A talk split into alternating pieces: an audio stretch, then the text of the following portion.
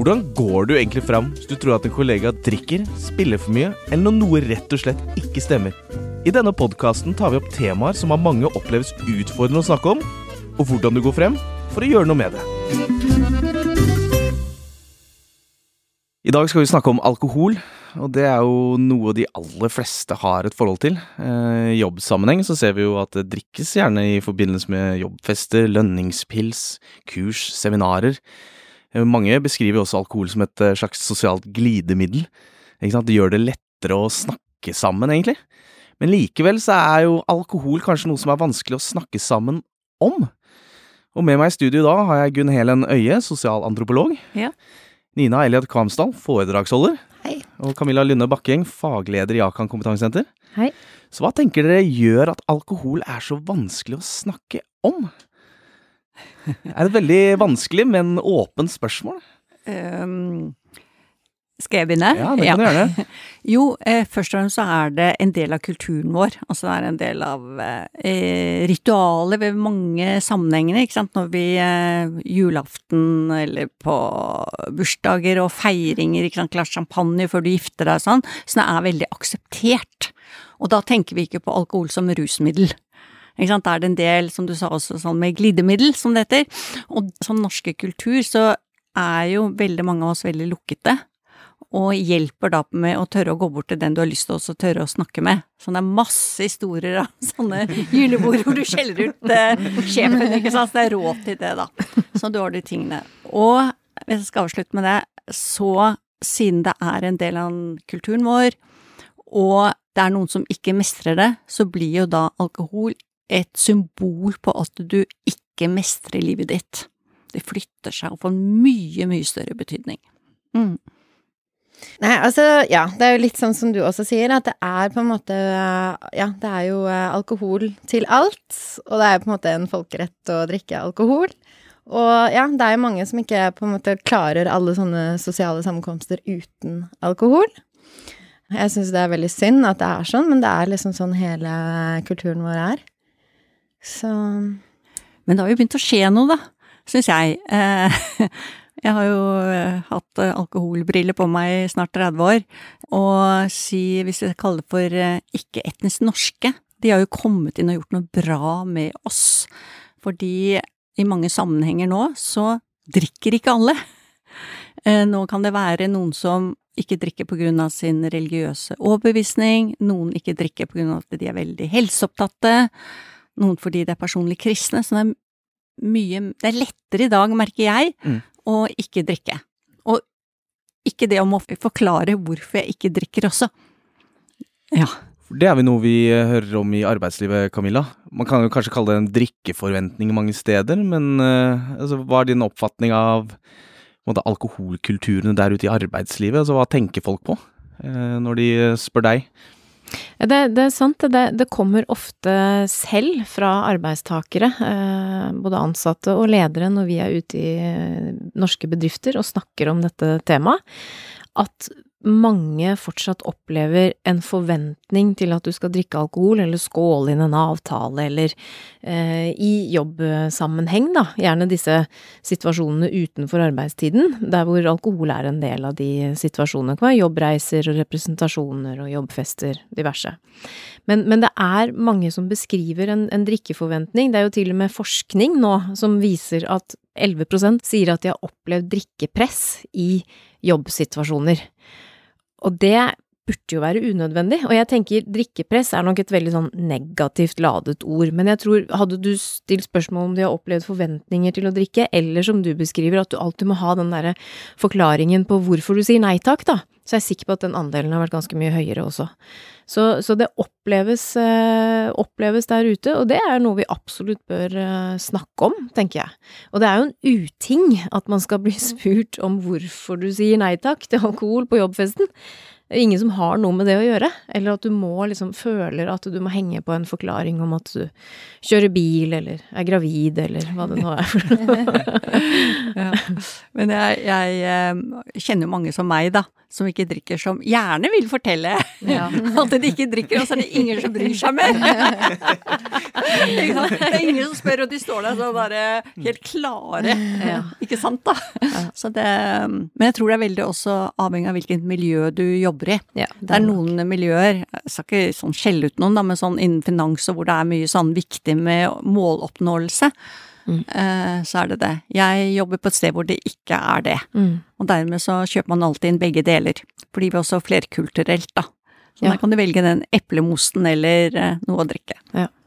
Og jeg tror ikke jeg har sett noen av mine kollegaer fulle heller, faktisk. Nei, Mm. Og det er interessant det du sier der, for det har jo ofte det, Altså, dette er jo et kulturelt fenomen også, det ser vi jo veldig tydelig i arbeidslivet. Det er store forskjeller mellom bransjer, vet vi, eh, men det er også store forskjeller innen en og samme virksomhet, med hva slags type, kall det festekultur man har, eller eh, hva slags eh, sosiale situasjoner man er i. Noen har masse reisevirksomhet, andre ikke, representasjon og så. Og ikke minst hva slags kultur og trygghet har vi for å gi hverandre tilbakemeldinger eller snakke med hverandre, da. Eh, og det ser vi gjenspeiles også i dette med alkoholforbruket, eller alkoholbruket, eh, i eh, norske virksomheter. Mm. Nei, altså sånn som for meg så har det altså de siste årene så har jeg ikke blitt eh, spurt så veldig mye, så jeg syns at det har på en måte forandra seg litt. Og så trener jeg mye nå, så jeg tror folk bare tenker ja, hun skal sikkert tidlig opp på trening, liksom. Sånn at jeg føler at det har blitt veldig eh, annerledes bare de siste årene, for at vi er så mye mer opptatt av eh, helse. Mm. Altså mange flere drikker jo øl eh, uten alkohol, for det er færre kalorier, for eksempel. Og det virker også som det har blitt mye mer akseptert, så jeg føler at det har vært en ganske stor forandring bare de siste årene. Mm. Men det er kanskje bare med de jeg henger med. Det kan hende at det er annerledes på andre steder. Men, eh, men jeg føler ikke at jeg får så mye spørsmål lenger. Og jeg er også veldig klar for å svare, som Gunnhild snakket om. Så Mm. Men, eh, men vi skal jo ikke vi skal være ærlige på det òg, da, fordi at hvert år så kommer jo VG og Dagbladet med sånn 'Dette gjør du ikke på julebordet'. Ja. Og hvorfor gjør de det? For det er fortsatt sånn at eh, noen blir overstadig beruset og ja, skal ligge med alle de kvinnelige ansatte, eller, eller eh, skjelle ut sjefen, altså, som ikke klarer å begrense seg. Det er jo det det går på. Og så er det den store gjengen som kanskje har bare litt vondt i hodet det- dagen etter, men de blir så tydelige, de som er i faresonen. Ikke sant? De blir så tydelige. Og der også begynner jo kanskje å problematisere seg litt, for hvordan skal man egentlig gå fram? Eh, når du ser åpenbare, kan man si, uønskede følger av alkoholbruk, da, si noen som ikke klarer å øh, oppføre seg på jobbfester. Og likevel da er det liksom vanskelig å si noe på det, Camilla? Eh, for kolleger til en annen kollega? Ja, det, det er jo det. Det er jo sånn som det er vanskelig å snakke om uønsket atferd eller eh, vond kroppslukt eller hva det måtte være. Uansett, vi er jo vi er ganske dårlige på å ta opp, ta opp sånne type ting, og, og kanskje i hvert fall dette, da. Ja. Jeg tror fortsatt at eh, en bekymring eller mistanke om alkohol- eller rusproblematikk, spillproblematikk for så vidt også, er en litt sånn siste skanse. Altså det oppleves fortsatt som vanskelig. Folk gruer seg for å ta det opp. Um, vi er redd for å legge Altså sette diagnosen, på en måte, eller stille problemet eh, på den andre. Og så er det jo nettopp det som vi snakket om i stad, at så mange av oss drikker alkohol, og så plutselig så skal jeg ta opp ditt alkoholforbruk som problematisk når vi festa sammen i går, ikke sant, eller omtrent støtta hverandre ut i taxien fra, fra sommerfesten, da, i, i går. Um, så det er veldig mange hindringer for at vi tar det opp, uh, og det er der vi særlig ser at uh, vi kan hjelpe ledere, og vi kan trygge arbeidsplasser på å ta opp dette på et mye tidligere tidspunkt, før det går så langt som at vi forstår at det er problem, da. For vi vet jo det med, klarer vi å komme tidlig inn med en samtale, bare stille spørsmål hvordan har du det, ikke sant, basert på noen konkrete observasjoner, um, så kan vi sette i gang ganske store endringsprosesser i en kollegas liv, og det er det så absolutt verdt. Så der bør vi bli mye bedre. Jeg skulle ønske at noen hadde sett meg, jeg, den gangen. Eh, Jeg gråter nesten også, at jeg ville jo gjerne bli sett, eller ønsket det. Det var ingen som eh, eh, tok det opp, da.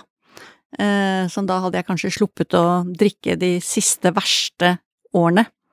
Men da var jeg jo ung og fresh og sant, levde litt på det å være ung, sant, som på en måte beskytter deg litt mot å se forferdelig sliten ut. Men jeg ser jo på bilder fra den gangen at jeg, jeg ser jo trekkene, jeg så sliten ut, jeg så ut som en misbruker. Og så sier man jo det sånn innen en del forskning, av avvikssosiologi altså i fagkretsen, da, for å studere meg selv. og det siste man mister, er jobben. Mm. Mister unger, familien din, huset. Det siste man mister, er jobben. Nettopp som du sier, fordi det er så vanskelig å ta opp. Ja, nei, altså sånn som For meg så ønsket jeg vel egentlig bare på mandag morgen, når jeg ikke husket noen ting å komme på jobben, at i hvert fall noen hadde spurt kom du deg hjem greit fra festen eller et eller annet, for jeg husket jo ingenting. Men det er når det bare blir helt stille, og ingen tør å si noe som helst. Det skal liksom ikke så veldig mye til. Det er bare å spørre gikk det greit med deg, så kanskje det var litt Altså det er Det skal egentlig bare være så enkelt, da.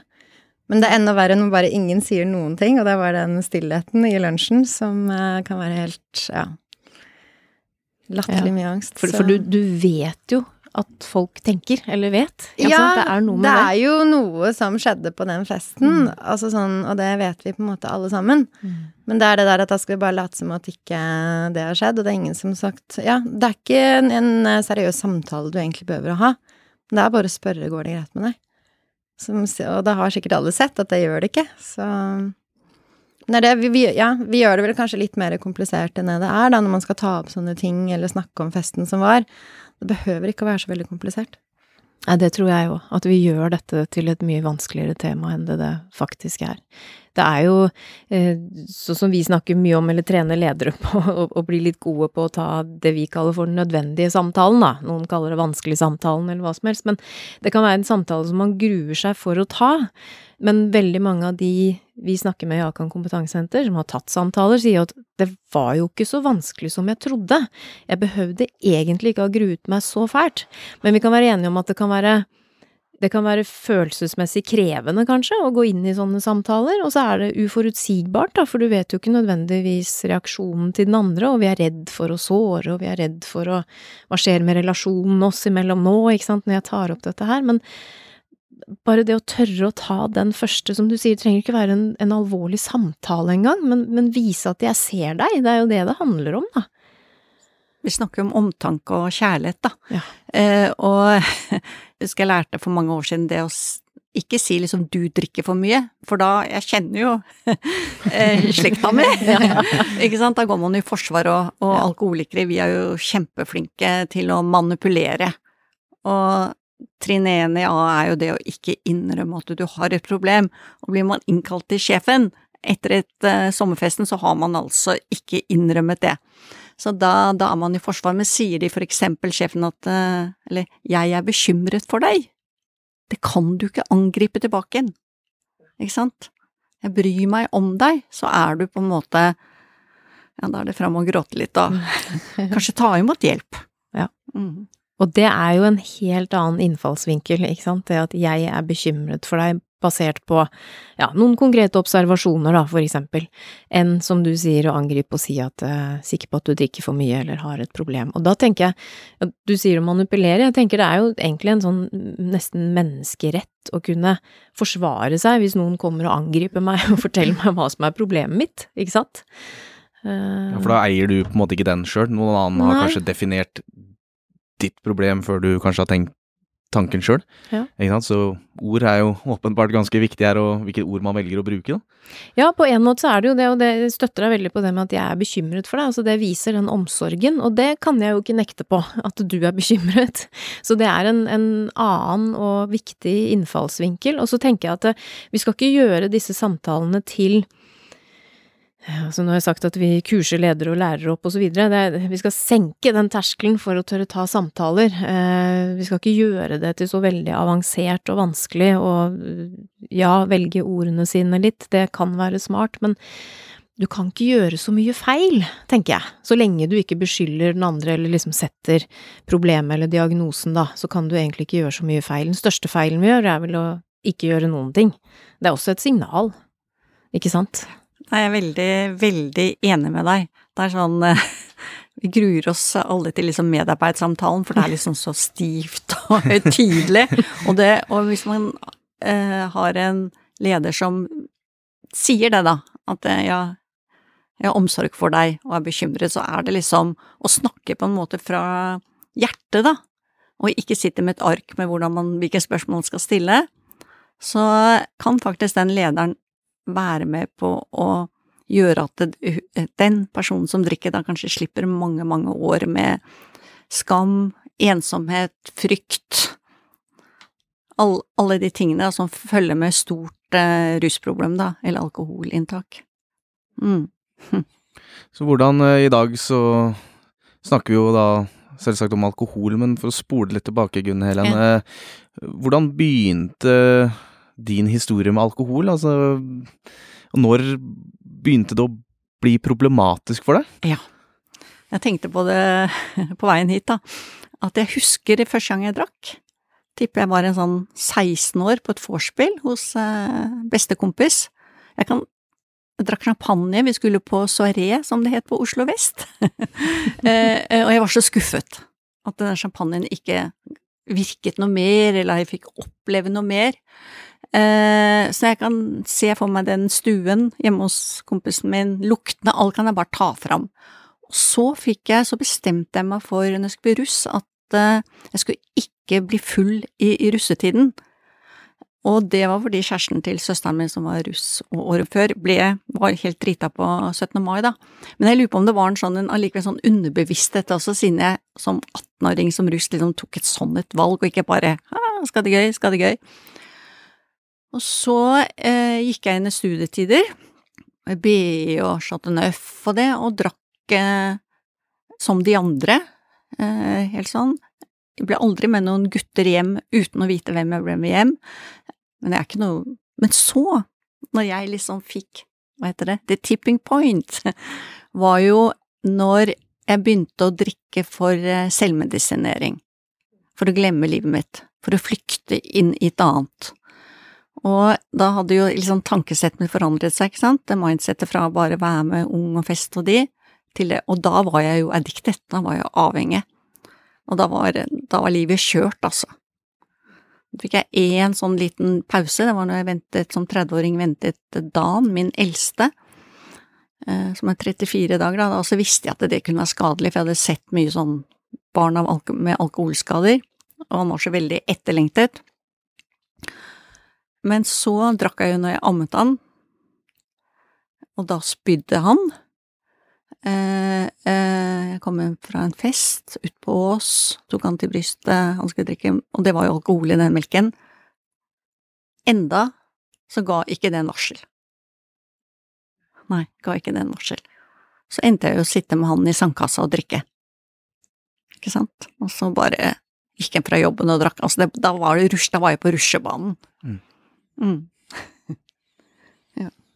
Hva med deg, Nina? Jeg stiller litt det samme spørsmålet, Ja. hvis det går greit? Um, jeg begynte å drikke når jeg var 14. Jeg kan nesten si akkurat på dagen. Uh, Venninnen min uh, tok uh, livet sitt. Eh, jeg gikk på en veldig fin skole. Alt skulle bare hysjes ned. Eh, vi fikk en time med sånn eh, psykologbehandling hele klassen. Og så skulle livet bare gå tilbake til vanlig. Det var så eh, traumatisk, sånn at det klarte ikke jeg og de andre jentene, og da bestemte vi oss for at helgen etter så skulle vi drikke oss fulle. Og det er jo det her med på en måte flukten som du snakket om. Da hadde vi det så forferdelig, det var så Ja, det var det verste jeg har vært med på. Og så drikker du, og så bare plutselig så får du den varme følelsen, og ting føles mye bedre. Sånn at det var der det startet for meg, å ikke stå i følelser i det hele tatt, bare ruse det bort. Jeg sto ikke i følelser før jeg var 33 år, tror jeg. Det blir det der at du bare ruser alt bort. Så det var der det startet for meg. I ettertid så har jeg og de andre jentene som jeg drakk med den ene kvelden der, vi har alle slitt med forskjellige ting innenfor rus eller psykisk helse. Så jeg tror ikke det er noe tilfeldighet. Som sagt, det var et uh, traume som ikke ble på en måte bearbeidet, da. Ja, og for meg så gikk det raskt etter det til flere rusmidler og mye alkohol opp gjennom alle årene. Jeg tror jeg innså at jeg hadde et uh, problem når jeg begynte å få masse blackouts hele tiden. Det var nesten hver eneste gang jeg drakk. Og så etter hvert når du liksom Det ble så mye skader, ikke sant. Brakk armen, det var blåveiser, det var um, Ja. og så klarte jeg å tenne på leiligheten. Da kommer alle de tingene hvor du vet så inderlig godt at jeg har et kjempeproblem. Men jeg klarer liksom ikke å be om hjelp, for jeg skjønte ikke hvordan jeg skulle klare å leve et liv uten rus. Så det er det derre se meg, men ikke se meg. Som sagt, når disse blackoutene kommer, da tror jeg alle som har et problem, skjønner at oi, nå går det over stokk og stein. Jeg hadde jo sånn eh, blackout, så det er fryktelig skummelt. Det er kjempeskummelt. Ja, sånn dagen etter. Jeg husker en gang eh, Jeg vet ikke hvor mange år det Jeg bodde da sammen med pappaen til eh, Dan. Vi var gift. Og jeg eh, skilte meg jo fra han også for å få tid til å drikke. Ja, men det skjønner jeg. Det Jeg, jeg møtte han i går, en fantastisk person, eh, for å få da sånn annenhver uke uten eh, mann og barn. Men jeg husker en gang jeg kom hjem der, fra en sånn jobbfeiring, fest, og så stuper inn hjem sånn på morgenen, husker ingenting, og så kommer naboen med et par sko, da. Så jeg mista på veien fra taxien opp, og det er ikke vite, altså. Men jeg koblet ikke det til at jeg skulle gjøre noen ting. Nei, det gjør ikke det? Nei. Ok, nei, Nei, jeg skjønte det vel da. Mm. Hva med de på jobben, da? Eller folk rundt? Eh, Var det noen gang noen som kommenterte eller sa noe, eller hva er deres opplevelse av det? For meg så var det ikke det. På den siste arbeidsplassen hvor jeg hadde min Akan-avtale senere, så, så var det en ganske drikkekultur der, da. Så det var jo liksom ikke bare jeg som drakk mye. Og det var vel noen kommentarer fra noen, så da unngikk jo jeg selvfølgelig de kollegaene resten av tiden jeg var der. Men sånn generelt så var det veldig få som sa noe. I ettertid så har de jo sagt at vi skjønte at det var et eller annet, men vi visste ikke hva. Men på den tiden så var det som sagt ingen som sa noe. Og det var det her stille da på mandag morgen når man kommer inn. Og som sagt, jeg husket jo ingenting, jeg visste jo at ting hadde skjedd. Så det var jo, ja. Så det var ikke noen som sa noe hos meg, i hvert fall. Har du samme opplevelse, eller kan du kjenne deg igjen? Ja. ja, ja. Um, når jeg hadde vært til behandling og kom tilbake og Jeg turte ikke si det til alle da, men de jeg turte å si det til, for det kom tilbake, så skjønte jeg det at jeg ikke kunne ha den eh, eh, prosjektlederjobben da, som mot kunder og salg. Altså det, det Så jeg valgte, eller gikk rundt og fikk en jobb i admin, uten status og noen ting, men jeg hadde det så fint. og da Ja, men du, da? Fikk jeg høre du da, du har ikke noe problem, og, noen trodde jeg bare sluttet å drikke fordi jeg var liksom en sånn ny trendy greie jeg begynte med, som sånn liksom under å spise salatblader og ikke spise eh, kjøtt. Men eh, pappaen til Dan, han møtte meg en gang utenfor barnehagen, eh, hvor jeg hadde levert eh, Dan og så på sykkel, og så sier han det lukter veldig sånn hvitløk av deg, Gunn Helen. Og han visste at jeg ikke spiste hvitløk. Og lukter jo Jeg stinka jo bakfyll. Og da hadde jeg jo Dan også, ikke sant. Jeg som skulle ikke drikke uten han, men det, det, det var en eneste ting som betydde noe. Når man går hjem fra jobben og drikker i lunsjen, det er jo fordi du skal ha alkohol og så ruse deg. Alt annet betydde ingenting. Ingenting. Nei, det, det er veldig skremmende hvordan alt annet bare Du tenker ikke på det i det hele tatt. Jeg hadde jo også eh, jobb som eh, flyvertinne. Og når jeg ser tilbake, for at jeg slutta ikke å drikke de timene jeg skulle før jeg skulle på jobb.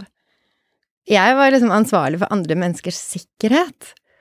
Og sto der og hadde sikkert ikke blåsgrønt, for å si det sånn. Men det er det, altså sånn, ja, du tenker ikke på andre mennesker eller konsekvenser eller noe i det hele tatt. Man skal bare drikke. Det er sånn, sånn litt tilbake til arbeidsplassen. Vi, vi laget jo en film som handlet om å ta praten, eh, ikke sant. Og at eh, altså, du skal reagere på bekymring, ikke tenke at du trenger liksom, bevis. Veldig åpent spørsmål, men hvor langt eller hvor mye trenger du å vite før du i hele tatt skal gjøre noe? da? Hva Ta- tenker du om det? Ta den Ja. før du tar den praten. Mm. Nei, det er jo akkurat igjen, da, så er vi opptatt av den bevisbyrden, liksom, før vi Vi skal jo gjerne ha eh, ha konklusjonen før vi tar den praten, um, men da har det jo ofte gått altfor langt. Så det vi pleier å snakke om, er jo hvis man ser endringer, enten i atferd eller i arbeidsprestasjoner eller i fravær, for eksempel. Altså noe som gjør at du får litt den derre magefølelsen, da. Og det trenger jo ikke være nødvendigvis at det handler om alkohol. Eh, Det kan være andre ting som har skjedd i livet til eh, kollegaen din eller eh, den ansatte. som gjør at du ser en endring, eller at du, du opplever noe. Og jeg skulle jo ønske meg et arbeidsliv eller et arbeidsmiljø hvor vi turte å snakke med hverandre basert på bare det. Og at, at eh, liksom svaret er litt åpent, ikke sant, hva det faktisk handler om. Men i stedet for i praksis så ser vi jo at eh, det går ganske lang tid før vi tar den praten, og vi vet jo egentlig allerede hva det handler om, vi, før vi går inn i den bekymringssamtalen da, som vi snakker om. Og det som er synd da, er at eh, hvis ikke du sjekker inn, liksom, eller bekrefter min eh, mistanke allerede, så føler jo jeg at jeg mislykkes totalt i den samtalen. Og så trekker jeg meg heller tilbake, kanskje jeg tenker at eh, ok, nå har jeg tatt den praten, ferdig med det, får bare ha litt is i magen og følge med, eller se. Gjør i hvert fall ikke noe mer enn det. Eller så tenker jeg at eh, den samtalen der, den skal jeg aldri gjøre igjen, liksom, for det, det var jo ikke det det handlet om, og her har jeg misforstått alt. Det vi erfarer er jo at hvis man klarer, basert på bare den, jeg snakker hele tiden om sånn dårlig magefølelse, men det er jo noe som gjør at man skjønner at noe har forandret seg ved Nina, eller det var liksom ikke som før, ikke sant, det kan gå på sånne små, vage tegn, egentlig, men det er bare noe som skurrer. Og da å kunne spørre litt hvordan det går, og senke ambisjonsnivået for alt du skal liksom få fram i en sånn første samtale, tror jeg er litt uh, viktig. For jeg opplever at vi setter den lista så høyt, da, når jeg først liksom skal ta den praten nå, har satt av tid og har liksom samlet opp bevis, ikke sant, så skal vi liksom ha så veldig mye ut av den, og så skjer kanskje ikke det. Så ofte så er det jo vage tegn. Altså, kolleger med et alkoholproblem eh, oppfører og ser ut som alle andre som ikke har det greit, ikke sant, det er jo bare det det går på. Eh, men at vi tør å spørre og vise at vi ser, det tror jeg er kjempeviktig. Og der tror jeg vi har en lang vei å gå. Det er jo ikke sånn at det skorter på bekymringer i norsk arbeidsliv. Vi skjønner jo, og vi ser, at, eh, at de rundt oss ikke har det bra, hvis de ikke har det bra. Men den terskelen fra bekymring til handling, eller faktisk gjøre noe, den er ganske høy for mange. Og det må vi jobbe litt med. Mm. For alkohol er vel kanskje noe av det vi fortsatt hører mest om på blant annet veiledningstelefonen vår?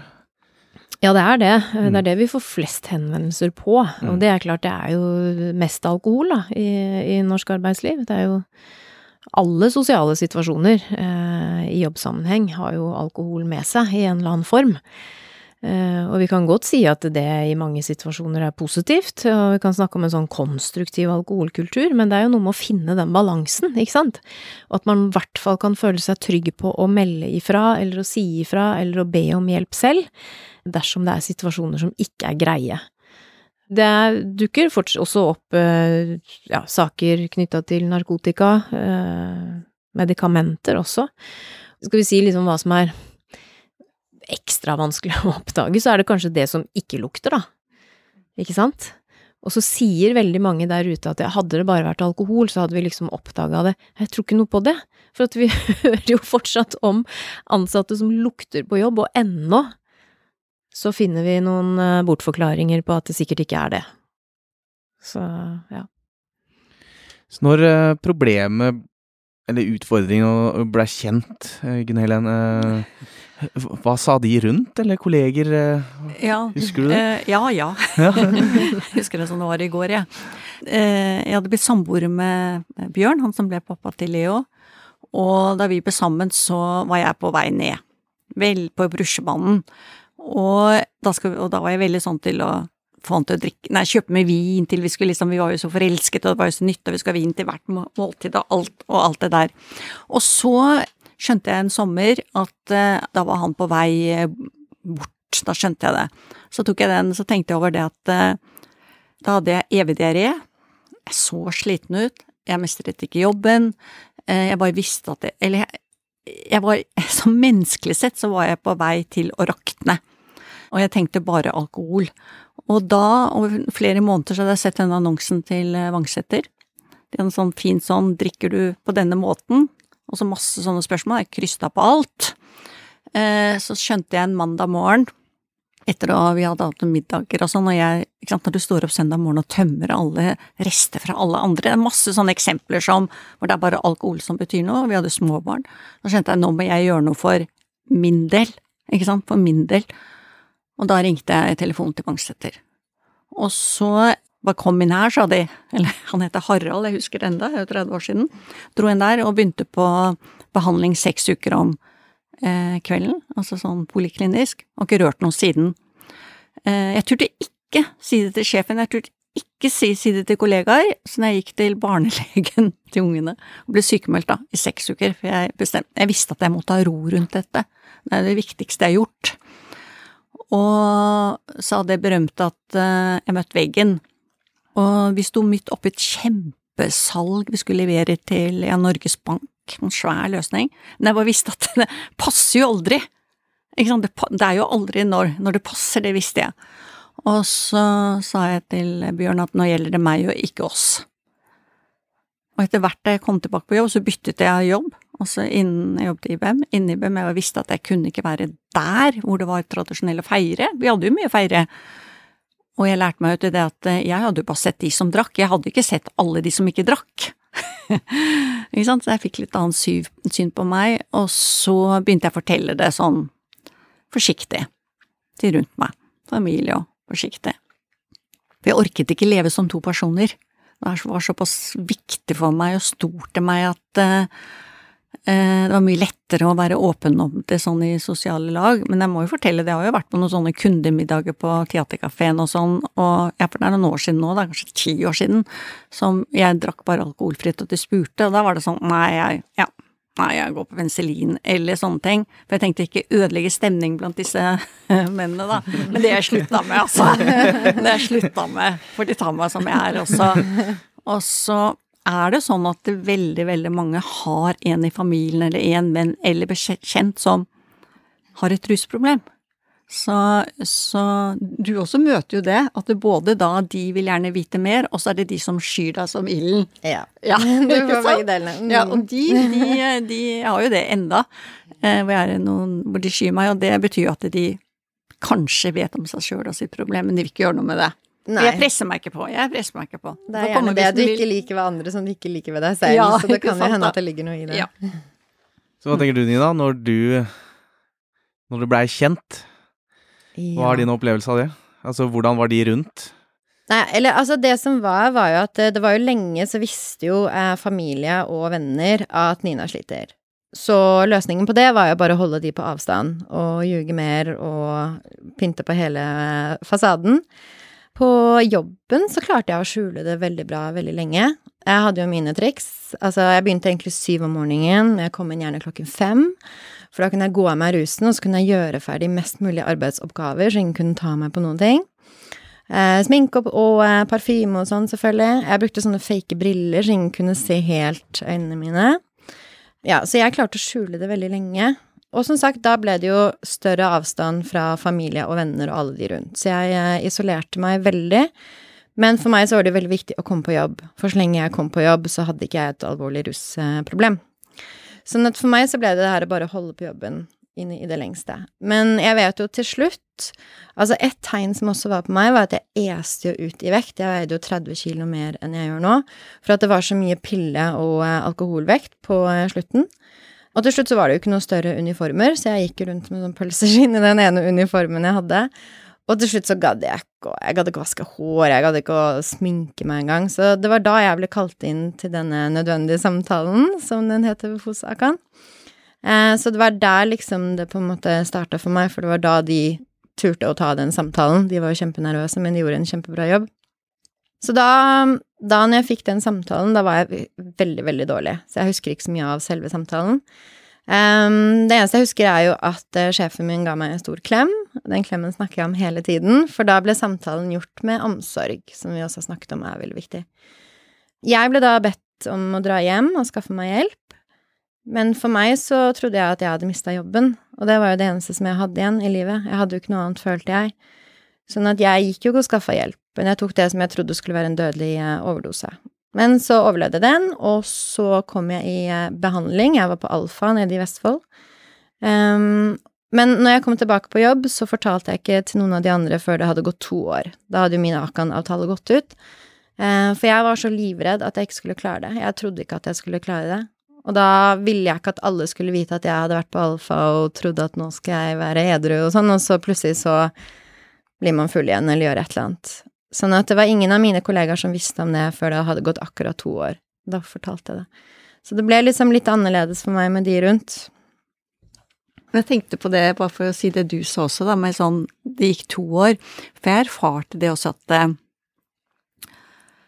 jeg også trengte, eller ga meg selv, eller eh, noen år før jeg begynte å si det.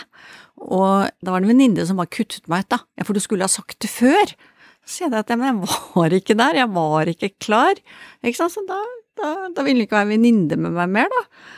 Fordi jeg ikke sa det dag én eller to eller sånn, som, eh, ja, som rusfri, da. Ja, nei, det har jeg også fått, og det for ikke så, for eh, så veldig lenge siden, for jeg sto frem i uh, Aftenposten, og da fikk jeg også noen mailer bare sånn Men hvorfor sa du ingenting?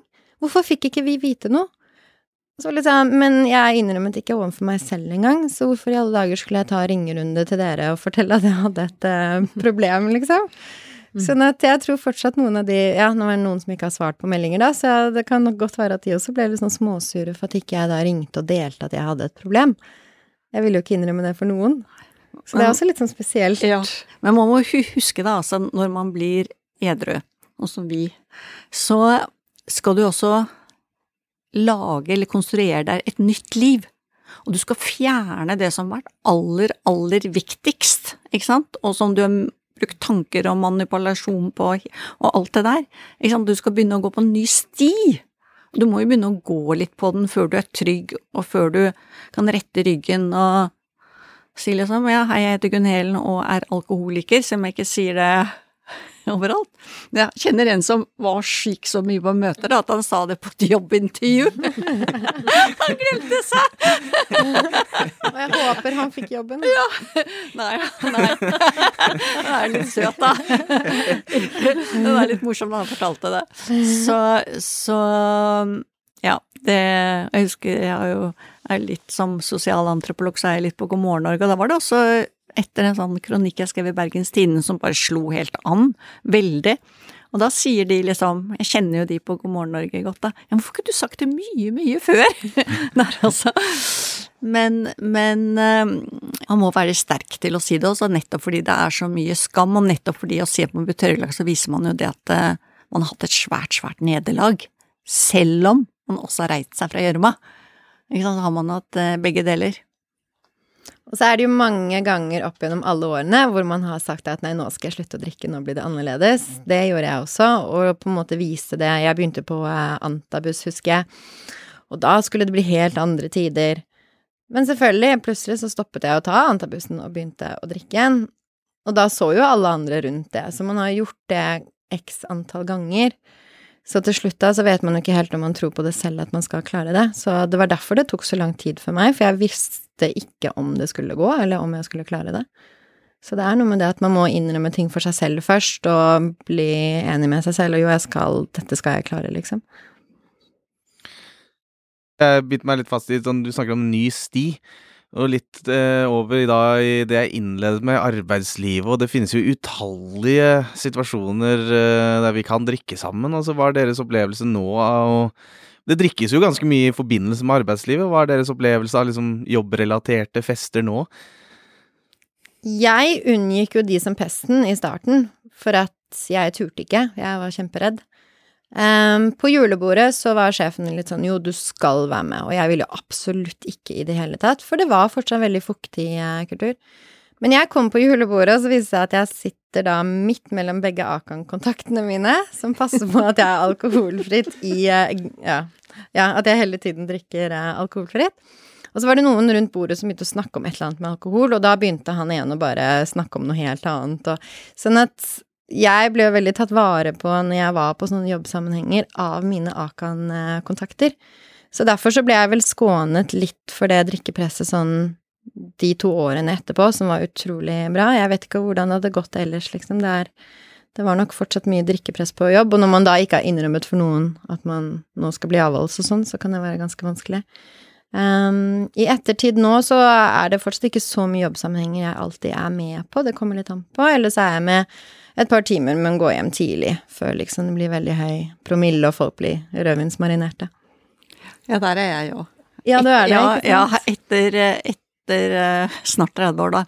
Man er jo ikke noe pingle, liksom, fordi man eh, blir eh, tørrlagt. Man har faktisk fått en enorm ny styrke.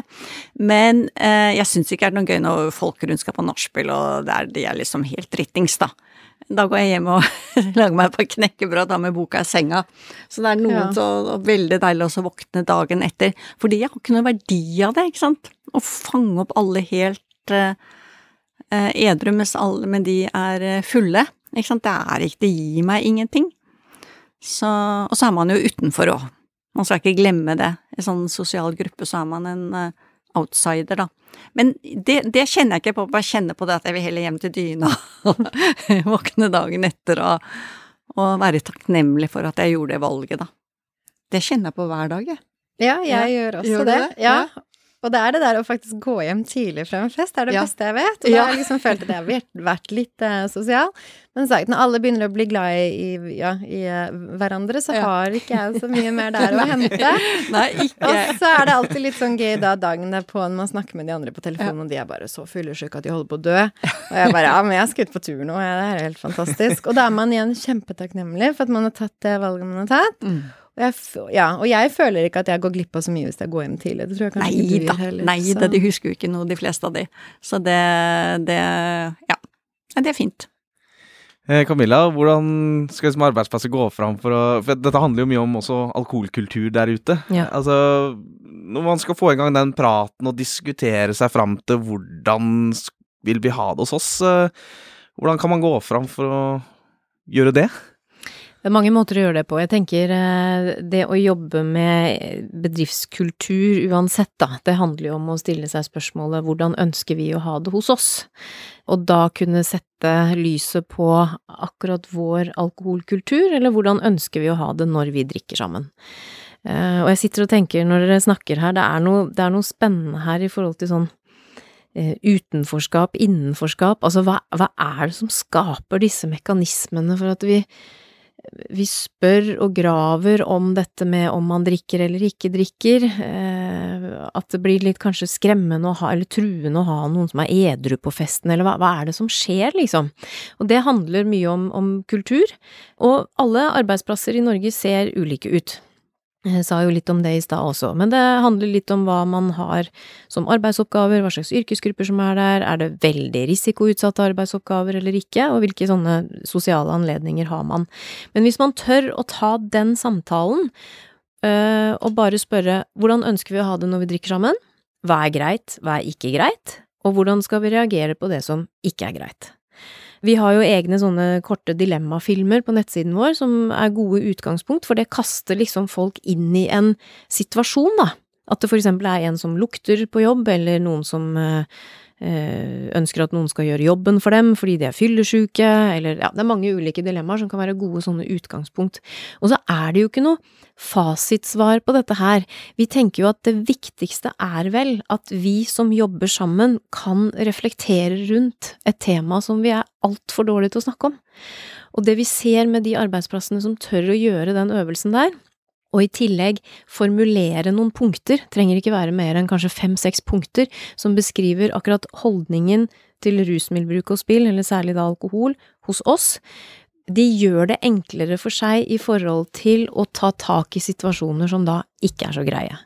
Så hvis det oppstår hendelser, uønsket atferd, eh, eller situasjoner som ikke er helt ålreit, så er det veldig mange av de lederne som vi snakker med som sier at det at vi hadde hatt den samtalen diskusjonen, refleksjonen, sammen i forkant, gjorde det mye enklere for meg å ta tak i en situasjon når den oppsto. Og da kunne jeg til og med si til vedkommende at men du, vi har jo snakket om at dette ikke er greit hos oss, ikke sant, derfor så må jeg snakke med deg nå, for eksempel. Men det er jo mer i sånne konkrete situasjoner som skjer der og da.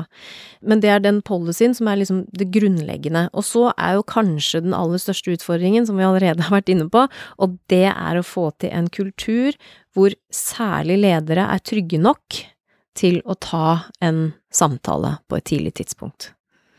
For da kan vi klare å eh, stoppe mye av en uheldig utvikling. Vi kan vise at vi bryr oss, omsorg, kan tilby hjelp hvis det er behov for det. Eller så er det også sånn at for noen så er det bare den ene samtalen eller den opplevelsen av å bli sett av lederen sin, som kanskje er det som fører til en endringsprosess. Jeg tenker det at eh, hvis man har begynt å få mistanke Mm. på jobben, etter alt det du sa også, ikke sant, steller seg og sminker seg, og jeg husker jo alt det der, der. Har med tannpasta helt inn i vesken og bla, bla, bla, ikke sant, så når man da begynner å få mistenke at man syns det lukter litt eh, fra personen, begynner å komme litt sent, ja, ikke er dyktig på, på kundemøter, da har jo egentlig den personen kommet så langt i sitt misbruk, ikke sant, og det kan jo litt sånn at uh, det man gjør er gå hjem og drikke, men pass på å legge seg åtte slik at du er på jobben fem, ikke sant, som du sa.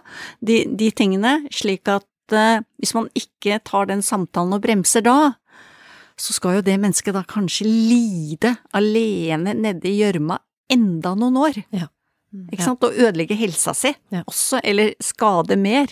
Ikke sant, så, så man må Jeg synes det er fint hvis ledere også tenker på det, da. Ja. Se på seg selv som en, faktisk en god samaritan. Mm. Som går, går an og gjøre det. Og hva er det også å være så redd for? Hva kan skje med lederen hvis man ikke tar den samtalen, da, og sier det på riktig, sier jeg jeg er bekymret, ikke, ikke pekefingeren du. Ikke sant, hva kan skje? Og det som kan skje hvis den andre sier nei, nei, og tar noen sånne hvite uker og sånn, så vet iallfall den som misbruker at eh, jeg har blitt sett, så kanskje kommer tilbake da, tre måneder, ringer sjefen og sier at jeg trenger hjelp hos den som har sett deg. Jeg er veldig enig i det, altså. Og Ja. dere har jo sagt det så godt begge to, at jobben, eller arbeidsplassen, det er liksom det siste stedet. Det er siste skanse, det er vi redd for å, å miste, og, og gjør alt for å skjule det, ikke sant? Eh, så vi kan jo si det sånn at når det oppdages på jobb, eller når kolleger eller leder merker det, så har det pågått i lang tid. Så du kommer jo aldri for tidlig, egentlig. Nei, Du, gjør ikke det når du oppdager det på jobb, eh, men det handler om å komme tidlig så, ja, eller så tidlig som mulig, holdt jeg på å si, Eh, for sent, så tidlig som mulig, heter det. Eh, så jeg tror vi bare må hele tiden jobbe med å dette mulighetsrommet som arbeidsplassen har til å sette temaer på agendaen som kan være litt vanskelig. Vi omgås på jobb så mange timer, og vi har en helt unik posisjon til å fange opp endringer, til å snakke med, til å følge opp, fordi vi ser hverandre i hvert fall sånn stort sett eh, daglig. Så det er en så fin arena å starte det forebyggende arbeidet på, og å kunne håndtere eh, ting som eh, oppstår. Men uh, litt sånn som det du snakket om, altså sånn der standard på de ulike festene og sånn, det er jo også noe som man kan gjøre enkelt. Altså på neste eh, personalmøte så bare bli enige om hva som er greit og ikke. Så har vi sagt at uh, å danse på bordet var ikke kult, så kan du ta opp det da på Mm. mandagen. Ja, Mm. det var jo akkurat det vi snakket om, og kanskje ikke det var det beste man skulle gjøre. Har lyst til å forklare det her. Ja. Igjen, man kan gjøre det på en enkel måte.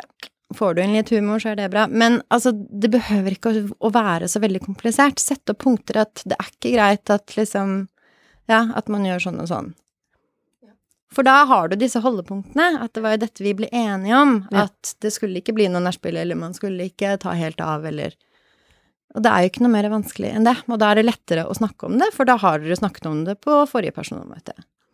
Men igjen, vi Ja, man gjør det kanskje mer komplisert og mer stort og mer alvorlig enn det er. Så bare senke skuldrene og bare gjør det på en litt mer avslappet måte, så tror jeg det kan være veldig, veldig bra. Jeg er veldig, veldig enig i det, altså. Og det, det handler ikke om at man skal bli verdensmester i å ta samtaler, ikke sant, med teorier og, og det ene og det andre, men det handler om å vise at man ser, og jeg syns din historie hvor du får en klem, ikke sant, fra en leder, det og, og det er det forløsende. Og sånn er det jo ofte.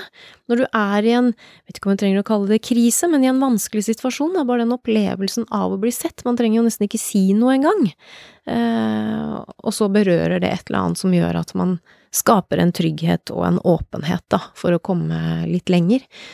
Så Men bare for å legge til noe, for at altså, hadde jeg fått den samtalen si to år før, så tror jeg jeg hadde gått helt i forsvar og benekta, og sikkert fått sjefen til å virke som han hadde et alkoholproblem, og så hadde jeg sikkert storma ut.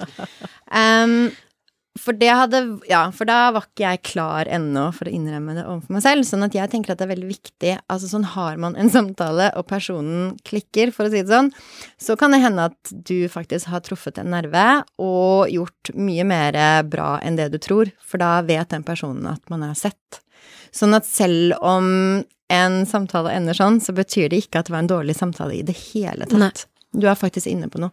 Ja, men jeg har hørt om liksom ledere som bare 'herregud, jeg ble jo skjelt ut', og da tør de jo i hvert fall ikke å ha den samtalen igjen. Nei. Så det tenker jeg også er veldig viktig, sånn hvordan vi med en eh, avhengighet fungerer, så kan vi være ganske, som sagt, manipulerende, som vi snakket om tidligere.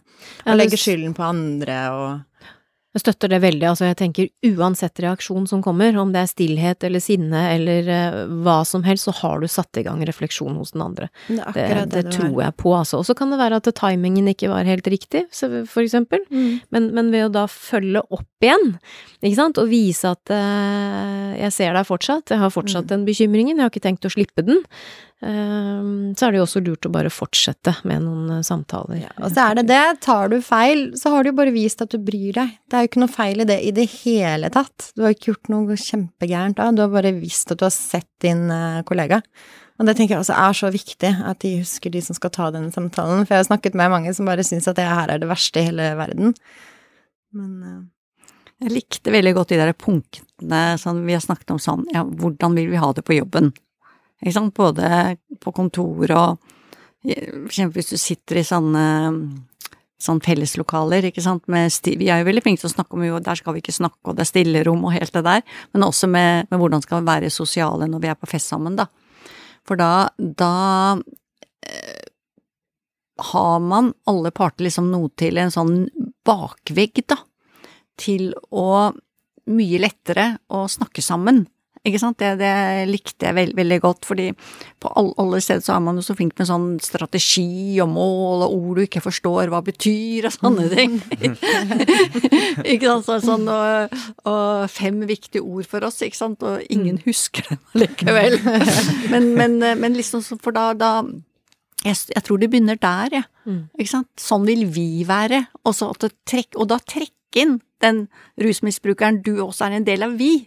Disse reglene gjelder også for deg, eller dette er vi enige om kulturen. Ikke sant? Å slippe å være utenfor og danse på bordet. Det er en veldig fin ja, grunnmur også. Ja. Det, er- ja. Veldig sansen for det. Ja, for kultur lar seg jo endre, gjør den ikke det? Altså, Det gjør jo det, Ja. og det er jo så fascinerende, alle de eh, virksomhetene vi er ute og besøker daglig daglig, Akan. Jeg vet ikke hvor mange ganger og hvor mange steder jeg har vært hvor de sier at eh, ja, men Camilla, kulturen sitter i veggene her, ikke sant. Vi får ikke endret på, det er tradisjon og det skal være sånn. Det er jo bare tull. Kultur sitter jo ikke i veggene, det sitter jo i hodet på den enkelte, men da må vi jo tørre å si noe om hvordan vil vi ha det, og være med på å påvirke den, og er det noe som ikke er greit ved en tidligere kultur, så får man snakke om det og endre på det, da. Det er ikke så viktig med hva som har vært, men liksom tenke på her og nå, og hvordan vi ønsker at det skal være. Jeg vet om et eh, arbeidssted, var en som fortalte meg det, da, så hadde de sånn utlodding til sånn eh, fredagsvin, ikke sant, og det ble mye snakk og sånne ting. Et par flasker vin hver gang, da. Og sånn, og så kom det ny leder der, så tok hun opp liksom, vil vi dette? Altså hva, hva står det for, eller for oss? Så det burde slutt på. Ikke sant? Er det det vi vil? At det skal være symbol på at vi feirer fredagen med å snakke om to viner, ikke sant? Og hva står det for? Er det der vi vil liksom ha som sånn ritualer for fredagen, da? Ikke sant? Den har vi hatt i 30 år, eller hva de sa da. Men, men, men det har noe med å løfte fram ting som alltid har vært der, ikke sant? Og så, så reflektere over det. For jeg husker sånn, da jeg sluttet å drikke, så var jeg faktisk hos eh, denne barnelegen, da. Og så han var veldig glad i vin, og så sier han, men Gunnellen, hva skal du kose deg med på fredag nå, du da? Jeg hadde ikke, jeg hadde ikke svart inn, jeg. ja. Nei, fredager er en litt sånn touchy dag noen ganger, føler jeg. For det er den derre fredagsfølelsen som alle snakker om. Den derre fredagsfølelsen. Og ja, altså mange som jeg kjenner dere som herregud, å ikke kunne dra hjem og ta seg en kald øl eller en vin etter fredag når man er ferdig med jobbuken og sånn. Så det er et eller annet med den derre fredagskulturen og den derre som sitter veldig i, så det er mange som ikke skjønner hvordan jeg kan liksom klare en fredag etter jobb med en busy uke og ikke slappe av med noe vin eller noe sånn, da. Den, det blekner, kan jeg si, da. Ja. Ja, ja, ja. Jeg går på yoga og meditasjon. Man må jo altså finne glede i det livet man er i. Ja. Nye livet. Det er det som er greia. og så, og så være der. Så jeg kan anbefale sånn yoga klokka fire. Jeg går også bare og trener når alle andre tar den der fredagspilsen. Jeg bare Jeg skal også slappe av, men jeg får gjøre noe helt annet, så Og jeg har en liten morsom historie til det, da. Jeg og en annen, vi skulle, vi skulle komme og fortelle om liksom hvordan det var å være alkoholikere. Og dette var jo for helsepersonalet, da. Og han holdt på å trene seg til å gå over Grønland. ja. Og jeg så sprekk ut, jeg òg. Og så kom vi på dag nummer to, da. Og så Alle var jo så slitne fra dagen før, og så en middag masse alkohol. Så kommer vi inn, da, de sprekingene. Han skulle jo Ja, han trente jo, ikke sant, sånn. Og så jeg, jeg heter Gunn Helen, og alkoholiker. Han het for eksempel Petter, da. Alkoholiker. De trodde oss ikke!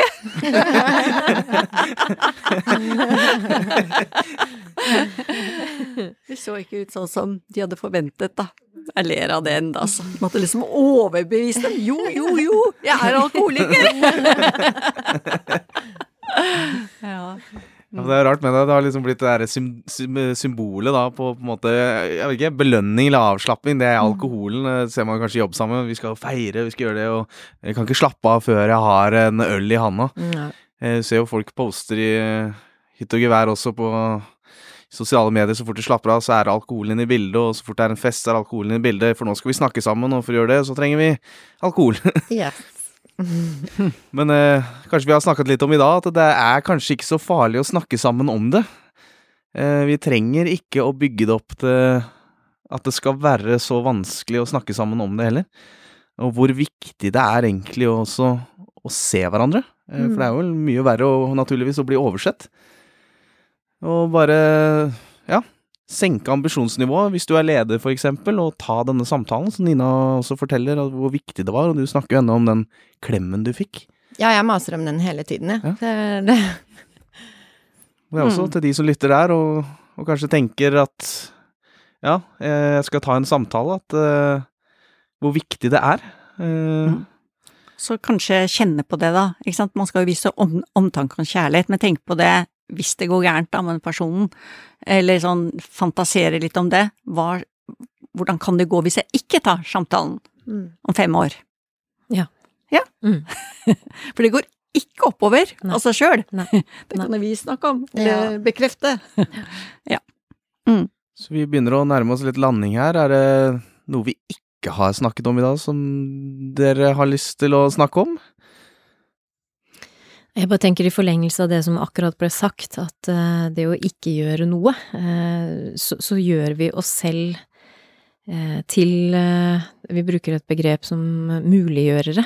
Ikke sant? Vi er jo faktisk med på å skape situasjoner, skape enda mer tid for vedkommende og, kanskje utvikle et enda større problem ved at vi ikke bryr oss, eller ikke eh, viser omsorg, eller ikke snakker med vedkommende om den bekymringen vi har, da. Så, så tenker jeg også at det er vel noe med å kanskje tenke litt igjennom selv. Eh, hvordan ville jeg bli møtt i en eller annen vanskelig situasjon? Vi kommer alle opp i ulike kriser eller vanskelige situasjoner i løpet av livet. Trenger ikke være alkohol, det kan være mange andre ting. Og hvordan ville jeg ønsket å bli sett av en kollega eller av en leder? For vi er ikke så veldig forskjellige når det kommer til akkurat det. Så en liten sånn egenrefleksjon på det, og så går det an å overføre det til eh, situasjoner man selv kommer i som utenforstående. Ja, hvis jeg skal liksom avslutte med noe, så vil jo jeg si på sånn fra eget liv, da, at det ene valget er jo det viktigste valget jeg har tatt. Jeg har jo fått et magisk liv etterpå. Jeg må stå i alle følelser, men følelser er jo fint, ikke Mm. sant, så det det, det, jeg er så takknemlig at jeg valgte den andre stien, at uh, jeg tenker på det hver dag. Nå har det gått 30 år, faktisk. Snart 30 år. Hvis jeg skal avslutte med noe smart, så eh, tenker jeg at det også er veldig viktig å huske at ofte så er det de som du er på jobb med, som er dine nærmeste. Altså de siste to årene der så var jeg jo nesten ikke med andre mennesker, men det var faktisk mine kolleger som var mine nærmeste. Det var jo de som, som faktisk så meg hver dag, og det var jo til slutt da de som tok tak i det, og redda livet mitt på den måten. Eh, sånn at jeg tror at vi må slutte å tenke at at liksom alle andre har masse venner og familie som kanskje tar tak om man sliter eller er der. For det er faktisk ikke sånn. Og dette er mennesker vi er, altså er med fem dager i uken, åtte timer. det er, ja, man kan faktisk være noen nærmeste uten at man har en villeste anelse. Og da er det lov til å bry seg. Så det var en veldig fin avslutning på denne samtalen, og tusen takk til alle sammen for en veldig fin samtale. Takk for at du lytta til podkasten. Husk å abonnere, så får du neste episode direkte inn på mobilen din. Ønsker du mer informasjon om hva du kan gjøre, så finner du det på akan.no. Er du bekymra? Ta praten.